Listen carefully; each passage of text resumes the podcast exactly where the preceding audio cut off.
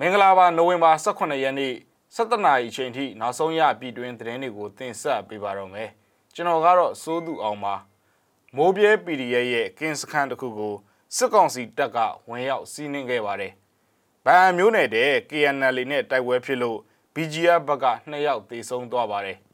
စစ်ကောင်စီတပ်သားရဲ့အလောင်းနဲ့လက်နက်တွေသိမ်းဆည်းရမိတယ်လို့ကိုကန်တပ်ဖွဲ့ကလည်းသတင်းထုတ်ပြန်ပါတယ်။ UNG ရဲ့ငွေတိုက်စာချုပ်တွေကို နိုဝင်ဘာ22ရက်နေ့မှာစတင်ရောင်းချပါတော့မယ်။နိုင်ငံတကာသတင်းတွေဘက်မှာတော့စင်ကာပူမှာ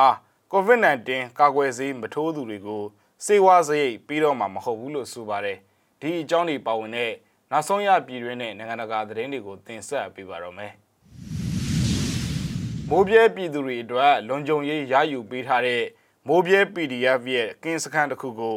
အကြမ်းဖက်စစ်ကောင်စီတပ်ကဝင်ရောက်စီးနင်းမှုဖြစ်ပွားခဲ့ကြောင်း ယနေ့နေ့နက်မှာသတင်းထုတ်ပြန်လိုက်ပါတယ်။မိုးပြဲ PDF တပ်ဆွဲထားတဲ့မိုးပြဲမိသက်စခန်းကင်းပုံကိုနိုဝင်ဘာ18ရက်မနက်အစောပိုင်း2နာရီလောက်မှာအကြမ်းဖက်စစ်တပ်က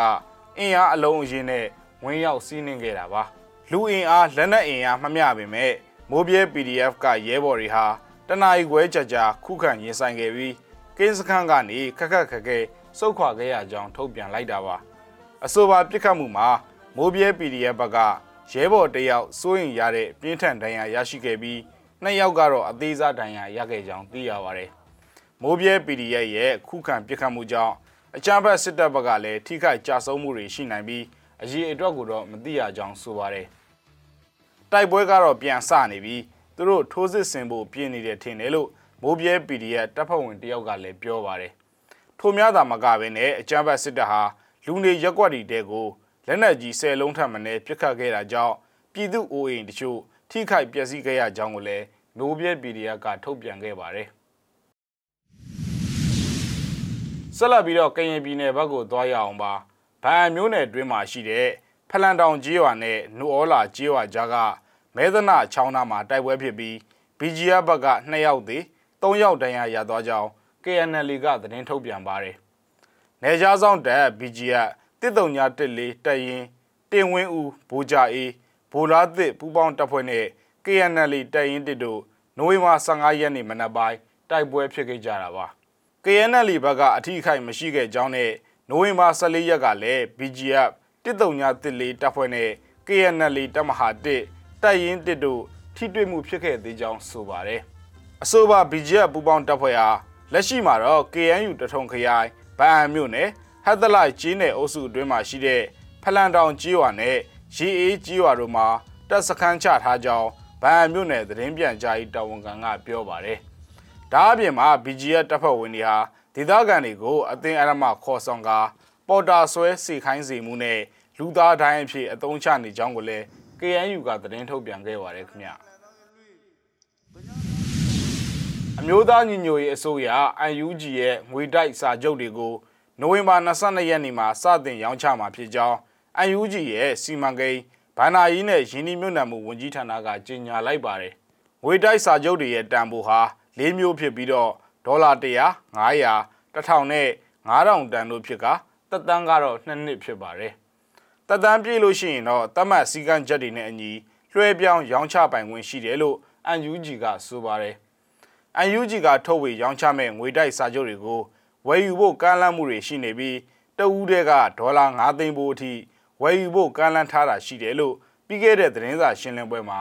UNG ကပြောကြားထားပါတယ်။ငွေတိုက်စာချုပ်တွေရဲ့သက်တမ်းကိုနှစ်နှစ်သတ်မှတ်ရတာဟာຫນွေဦးတော်လန်ကြီးကိုနှစ်နှစ်အတွင်းအောင်မြင်မယ်လို့ယုံကြည်ပြီးတန်ဒိဋ္ဌံချထားတာကြောင့်လို့ UNG ကပြောကြားထားပါတယ်ခင်ဗျာ။ရှမ်းပြည်နယ်မြောက်ပိုင်းမှာတော့ကိုကန်တပ်ဖွဲ့ MNDAA က စစ်ကောင်စီတပ်သားအလောင်းနဲ့လက်နက်တွေတင်စီရမိကြောင်း MNDAA ရဲ့သတင်းပြန်ကြားရေးဒဲကိုကန်ကသတင်းထုတ်ပြန်လိုက်ပါတယ်။နိုဝင်ဘာ15ရက်ကကိုကန်တပ်တွေစစ်မြေပြင်ကိုသိမ်းပိုက်ပြီးတဲ့နောက်နယ်မြေရှင်းလင်းရေးဆောင်ရွက်ရာတပ်မကူကူကစွန့်ပစ်ထားတဲ့စစ်သားရဲ့ရုပ်အလောင်းကိုတွေ့ရှိခဲ့ကြောင်းဆိုပါတယ်။စစ်သားရဲ့ရုပ်အလောင်းစီမှာစစ်တပ်ကျမ်းမာရေးဌာနကထုတ်ပေးတဲ့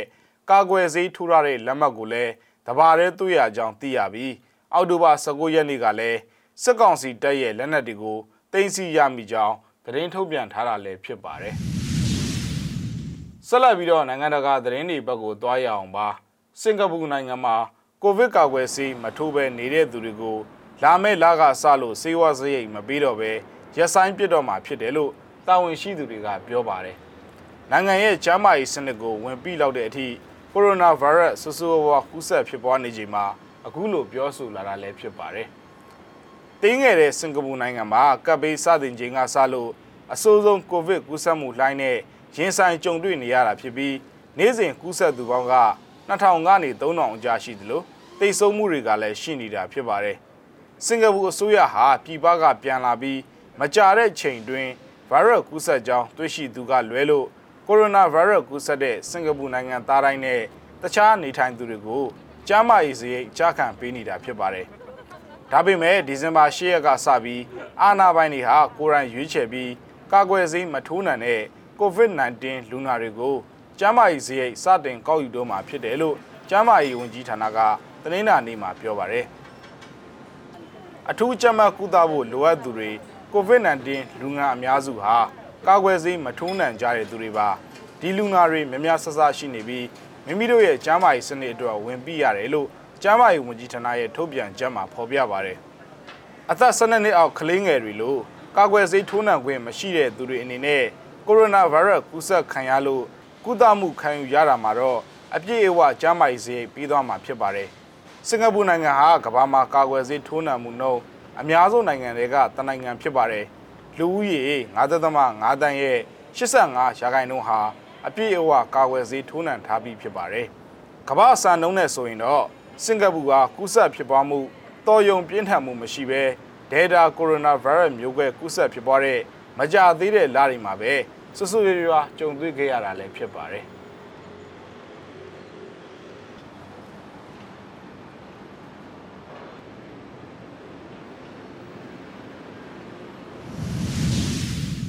မြစည်းမရဲ့သတင်းအစီအစဉ်ကိုဒီမှာခဏရနာကြပါတယ်ကြည့်ရှုခဲ့တဲ့မိဘပြည်သူတူးချင်းစီကိုကျေးဇူးအထူးပဲတင်ရှိပါတယ်ကျွန်တော်တို့သတင်းနဲ့အတူတူပြန်ဆောင်ကြပါအောင်မယ်